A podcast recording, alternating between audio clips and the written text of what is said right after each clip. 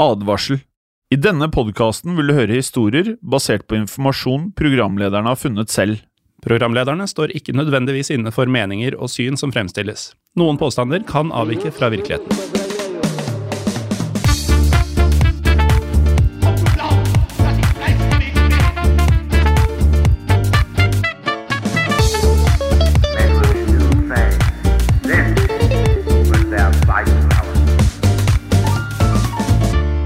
Hei og velkommen til dagens episode av Historiepodden andre verdenskrig. Mitt navn er Jim Fosheim. Og mitt navn er Morten Galaasen.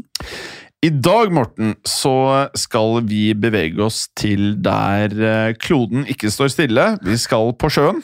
Vi skal til sjøs. Um, Åssen er du Åssen er sjømannen Jim Fosheim? Er du, er du ramsalt? Eh, nei, altså Jeg har ikke vært mye på sjøen. Mm. Uh, jeg har vært på disse danske båtene, som jeg kaller det. Også de båtene som går til Tyskland. Ja. jeg tenker meg om. Uh, når jeg kommer i kai i Norge, eh, eller til lands, så merker jeg at jeg har sånn diskofølelse, eller bare sånn vugg, vuggefølelse i kroppen i flere dager etterpå. Ja, så du blir prega? Jeg blir meget prega, Morten. Nei, jeg, liker meg til sjøs eh, for så vidt, selv om jeg ikke har noe der å gjøre. Men eh, å ta båt et sted og sånn, det, det syns jeg er veldig ålreit. Ja. Uh, uten at det plager meg dagvis etterpå. Men, men du trives med logistikk hva angår å komme fra et land til et annet. Ja, og så liker jeg alternativer til fly. Så f.eks.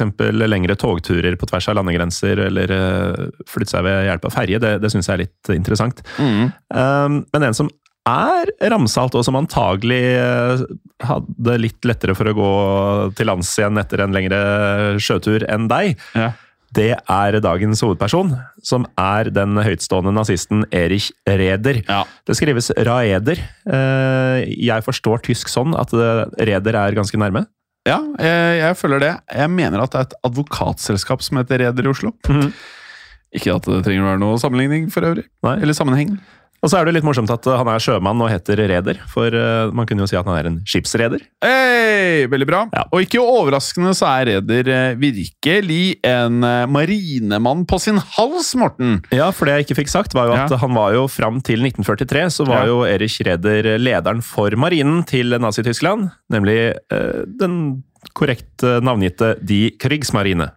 Altså, tyskerne gjorde det veldig sånn enkelt når de skulle Ja. komme navn på ting. Ja, altså Du trenger ikke å kunne tysk for å skjønne hva de krigsmarine er for noe.